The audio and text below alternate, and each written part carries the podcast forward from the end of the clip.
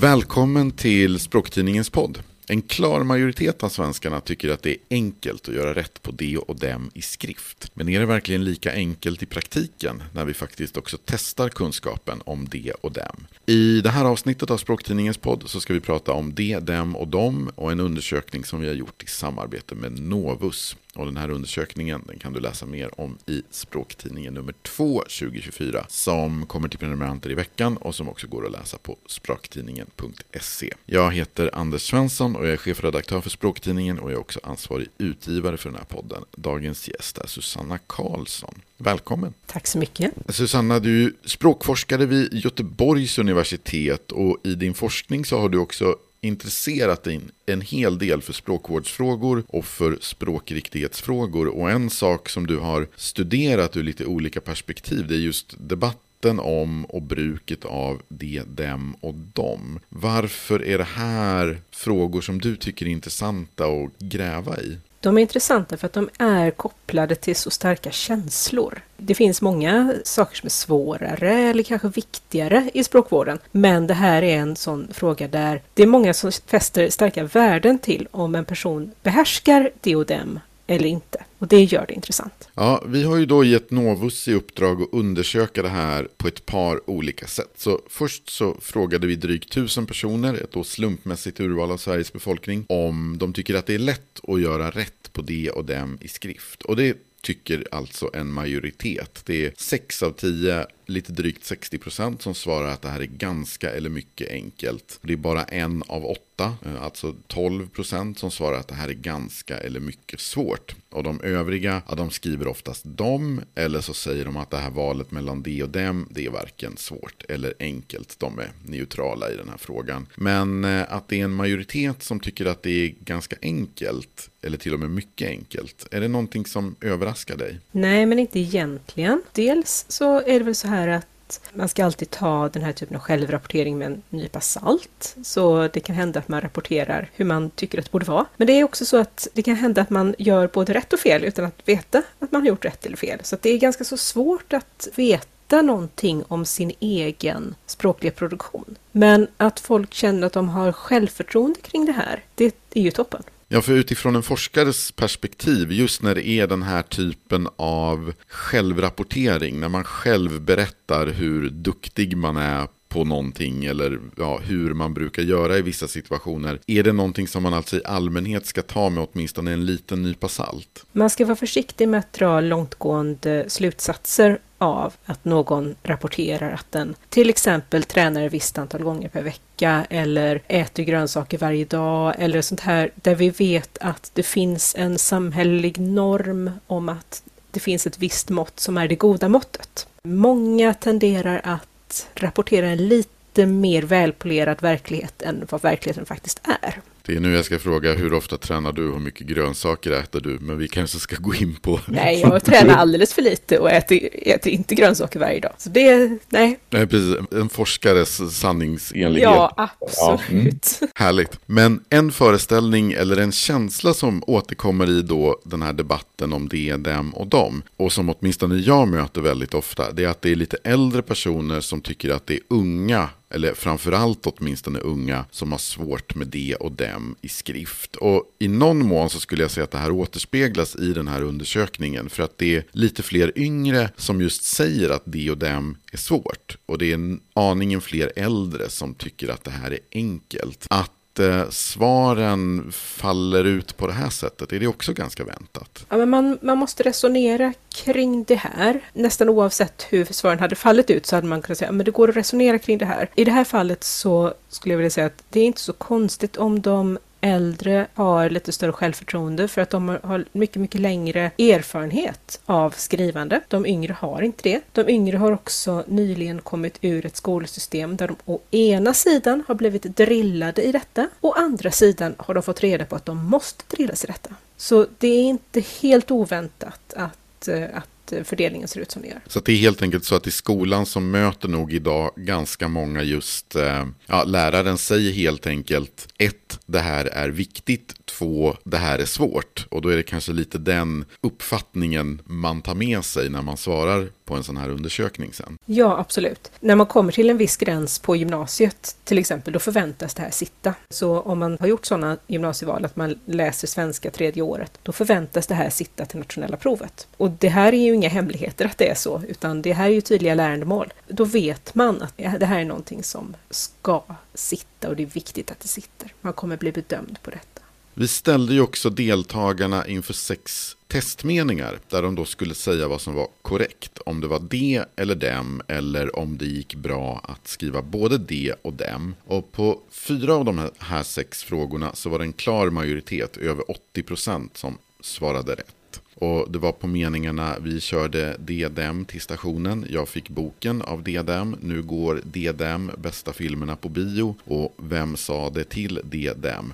Här var det då bara en minoritet, sådär runt 15 procent på varje fråga, som hade problem som inte svarade rätt. Vad tänker du om det här resultatet? Jag tänker att det här är sådana meningar som just är förhållandevis enkla. De följer en tydlig, tydligt mönster. Subjektet kommer tidigt i meningen, objektet senare i meningen och det är ganska så enkelt förhållandevis att klura ut ifall det ska vara det eller dem här. Det finns tydliga signaler man ska läsa av, man behöver inte göra särskilt mycket analys. Så det här är de meningarna som ska fungera bra. Det är förväntat att om några av de här meningarna fungerar bra så är det de här. Ja, för vi hade ju två frågor som vi på förhand anade var lite lurigare och som vi också anade skulle kunna ställa till med problem men på lite olika sätt. Den första av de här meningarna det är Jag köpte mat åt de dem som kom på festen. Och det här är ju då en konstruktion där vi har en preposition och så har vi de eller dem som. Här har ju då språkvården sedan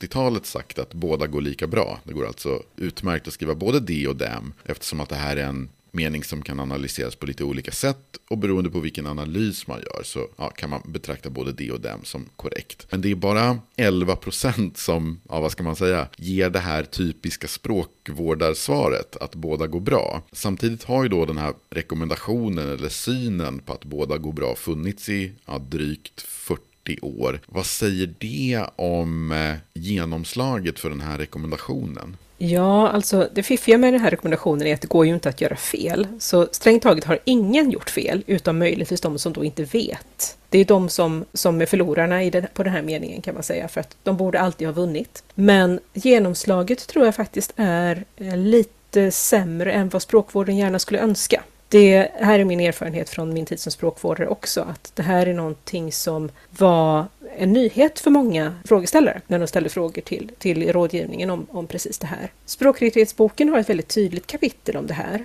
och den tydligheten fortsätter i Språkrådet rekommenderar. Och möjligtvis säger det här någonting om spridningen av de här verken och också om språkvårdens svårighet att slå igenom. Den tiden i livet när man har som bäst chans att eh, ta emot språkvårdsråd, det är troligen skoltiden. När man tränas i de här sakerna regelbundet, det är någon som berättar vad som är rätt och fel, det är någon som formulerar regler, någon som formulerar eh, tankemodeller för det här och så förväntar man sig ta till dem. Om en ny regel tillkommer eller en rekommendation eh, förändras efter att man har gått ut gymnasiet, så är det mindre troligt, skulle jag säga, att man någonsin snappar upp den här förändringen. Nej, precis, för då kanske man bara stöter på det om man har ett mer, ja, om man har ett yrke till exempel där skrivandet är en ganska stor del av arbetsuppgiften. Om man till exempel ja, jobbar som journalist eller man kanske är en kommunikatör eller på något sätt en skribent på en myndighet eller ett företag eller någonting sånt. Då kanske det bara, om det här är viktigt i yrket, då kanske man stöter på rekommendationen. Men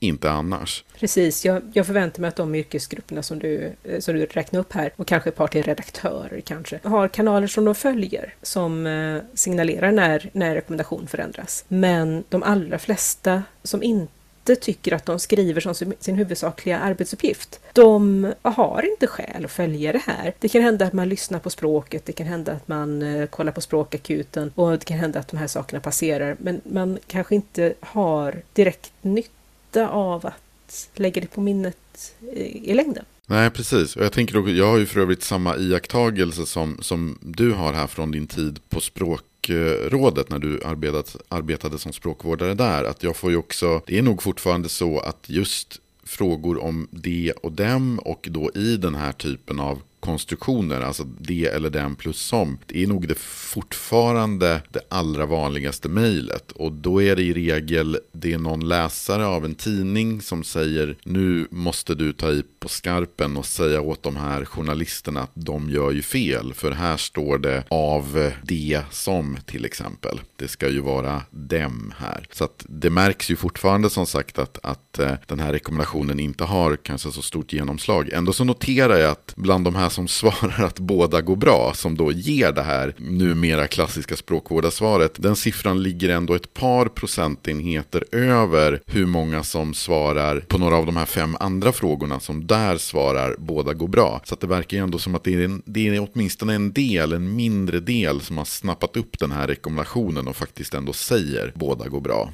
Absolut, och det är ju väldigt glädjande. Just här så är det då 37% som svarar att bara det är korrekt och 48% som svarar att bara dem är korrekt. Skulle du då säga att de har svarat fel på den här frågan när de inte säger båda går bra? Det skulle jag absolut inte göra, utan det själva fiffiga med den här rekommendationen är att man kan i princip inte göra fel. Utan det som tycker kanske är lite olyckligt är att det ändå är 4% som inte vet. Som hellre väljer inte vet än något av alla de tre andra rätta, rätta valen. Det som jag tycker är intressant med den här fördelningen, det är att det är en, den större andelen, nästan hälften, väljer det mer konservativa alternativet. Alltså den rekommendation som gällde innan båda går bra-rekommendationen bra-rekommendationen lanserades på tidigt 80-tal. Precis, att man väljer dem i det här fallet. Precis. Och nu tittar jag lite snabbt här, men det gäller alla, ja, nästan alla åldersgrupper, inte riktigt, men, eh, men även unga gör den, väljer hellre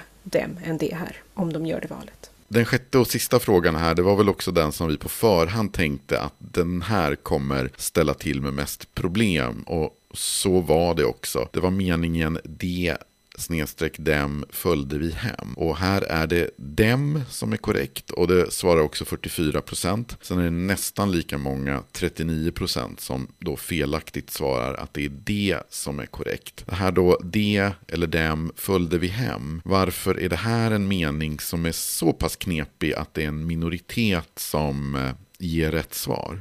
Den är knepig för att den kräver lite mer analys än de andra. Ofta, men långt ifrån alltid, kan man i svenska förvänta sig att subjektet kommer tidigt och objektet kommer senare. Men det är en, en dålig regel att hålla sig till för att så snart som man vill göra någonting som att ge en fas åt att det är det var dem vi följde hem till exempel. Vi följde dem hem ger inte samma, riktigt samma fas. Då flyttar flyttar man objektet så att det kommer före verbet istället. Det är ett sätt att skapa effekt och det är ett väldigt vanligt sätt i svenskan. Så vad som händer här är att man måste hålla koll på vilken form alla pronomen har här. Vi är det som berättar att det här är subjekt. Hade det här varit objekt så hade det stått oss. De följde oss hem, då hade det varit det då hade det varit subjekt. Men nu är det dem följde vi hem. Det betyder att det är vi som är subjekt och dem som är objekt. Så man behöver titta på alla former, alltså på mer än ett ställe för att avgöra vilken form det ska vara här. Och det, det är lurigt för att man behöver också liksom, bryta mot temporaliteten väldigt mycket. Man behöver titta längre fram i meningen för att förstå någonting som händer tidigare i meningen. Så det, det, det är ganska mycket analys här som ska göras lite snabbt. Det är inte alls konstigt att eh,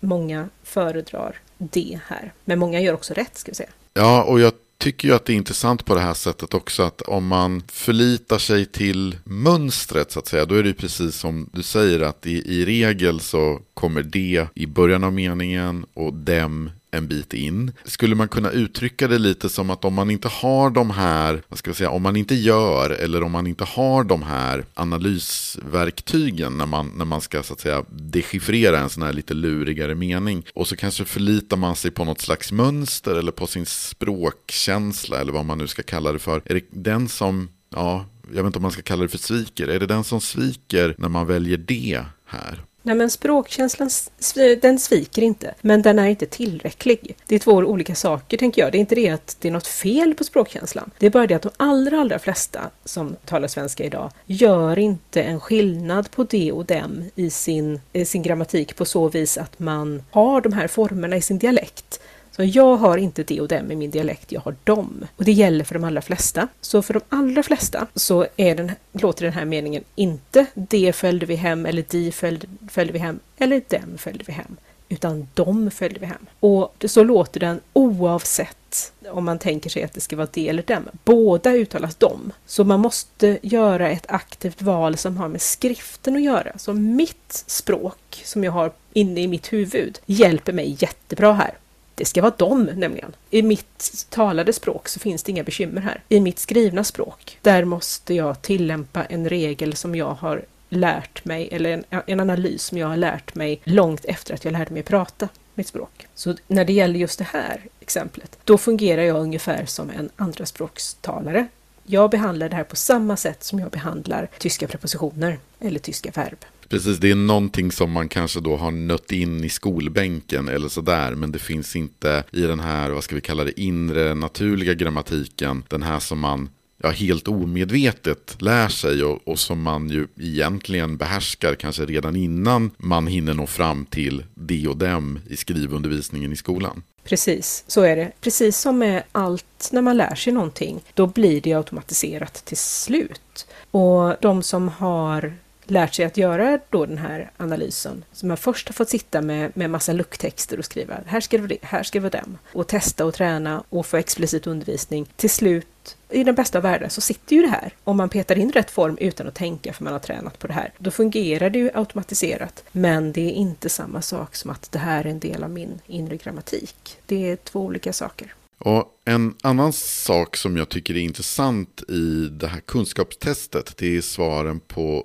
meningen nu går de, dem, bästa filmerna på bio. Här är det då 84% som svarar att det är korrekt, så det är en klar majoritet som ge rätt svar här, som behärskar det här. Men det är 7% som svarar dem. Och till skillnad från övriga testmeningar så det här D1 det är ju en bestämd artikel i det här fallet och inte ett pronomen. Och det som är intressant här är att här ser vi den tydligaste åldersskillnaden. Att det är i åldern 18 till 34 år så är det 9% som då felaktigt svarar dem. Men av de som har fyllt 65 så är det bara 3% som då ger det här felaktiga svaret dem. Så även om det är en klar majoritet, de allra flesta som svarar rätt här, så finns det också en ganska tydlig skillnad mellan generationer. Hur, hur ser du på den? Ja, någonting som gäller för alla de här, oavsett ålder, det är ju att även här behöver man göra en viss analys. Man behöver förstå att det är skillnad på, på bestämd artikel och på pronomen. Det skulle kunna vara så här att de som är yngre inte har lärt sig detta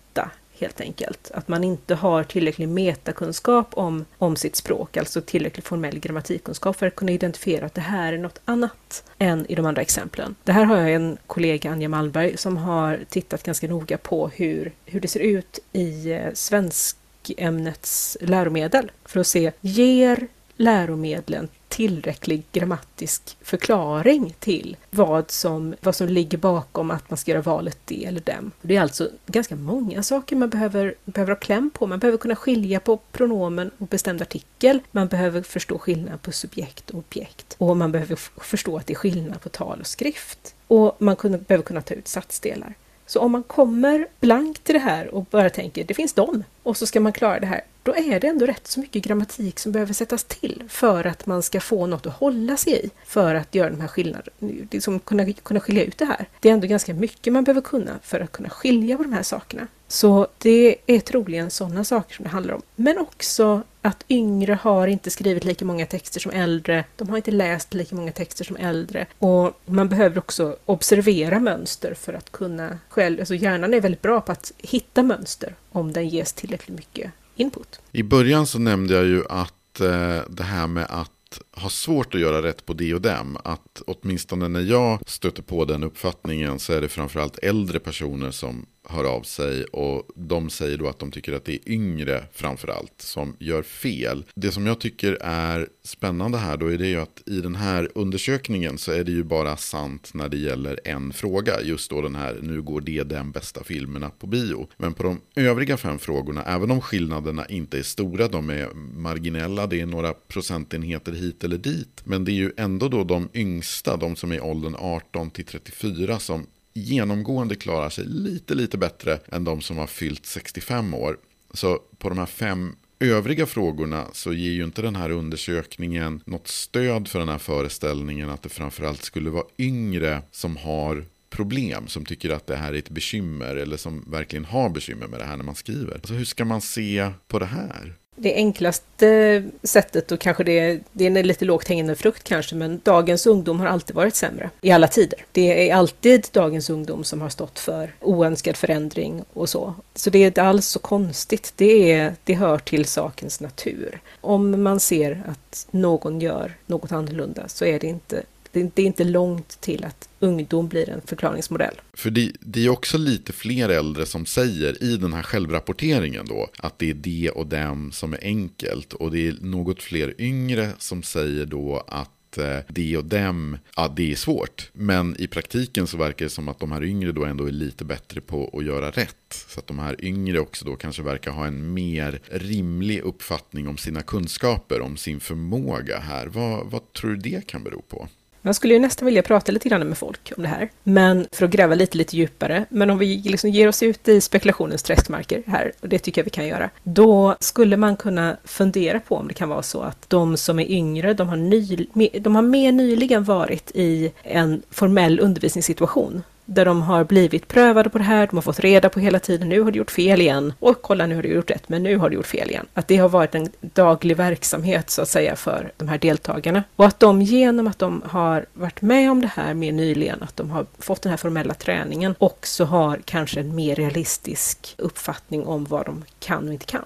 Om vi ska summera den här undersökningen så har vi ju då, det är fyra, ja men ganska enkla meningar, för där är det över 80% som svarar rätt och sisådär 15 procent som svarar fel och så är det några få procent som svarar vet ej. Och så har vi en mening som är lite av en slamkrypare där svaren är ganska splittrade och så har vi en lurig mening då, den här DDM följde vi hem där en majoritet svarar fel. Utifrån den här undersökningen, hur skulle du säga att den här distinktionen DDM, att den står sig i skriftspråket idag? Utifrån den här undersökningen skulle jag säga ganska bra. Det finns uppenbart utmaningar och det finns framförallt utmaningar där det är lite mer syntaktiskt klurigt. Men jag skulle säga så här att ingenting tyder på här att det här är total mönsterkollaps så att säga. Utan de flesta verkar ha någorlunda kläm på de här sakerna. Men däremot så man skulle vilja ha en testgrupp som aldrig har fått formell träning i det här och så skulle man vilja se hur de, vad de väljer. Men det är nog väldigt svårt att hitta den gruppen som också finns i de här åldersgrupperna. Det skulle bli, vara väldigt utmanande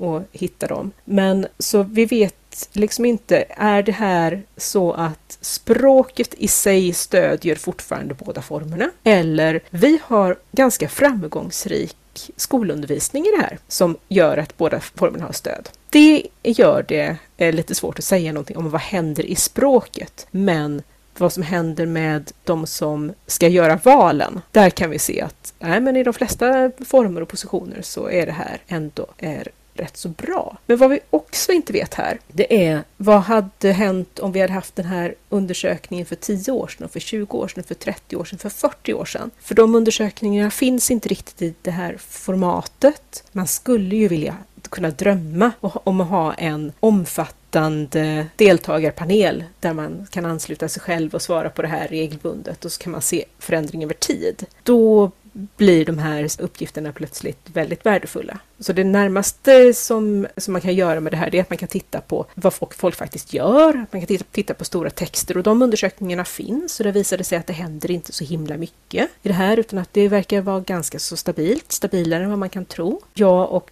min kollega Lena Lindparitski som också som brukar vara med i podden ibland. Vi har gjort en undersökning där vi har tittat på förändring i nationella proven i svenska över tid. Och där kan vi se att det finns förändring, men inte så stor. Vissa normbrytande användningar av det och dem och kommer in på senare år, men som inte, som inte finns tidigare. Så det kanske snarare är så att nya saker tillkommer, eh, snarare än att många fler gör fel. Så det blir lite större variation, men fortfarande är det så att nästan alltid gör de allra flesta enligt normen. Ja, precis, för det är ju viktigt att ha det i åtanke, tror jag, att eh, det är svårt att jämföra mellan generationer som du säger. Att, att man skulle väldigt gärna både ha den här undersökningen så att säga redan idag många årtionden bakåt i tiden och gärna också många årtionden framåt i tiden. För på ett sätt så kan jag tycka att eh, visst, det är över 80% som svarar rätt på de här enklare frågorna. Men det är ändå runt ja, men sådär, sådär en av åtta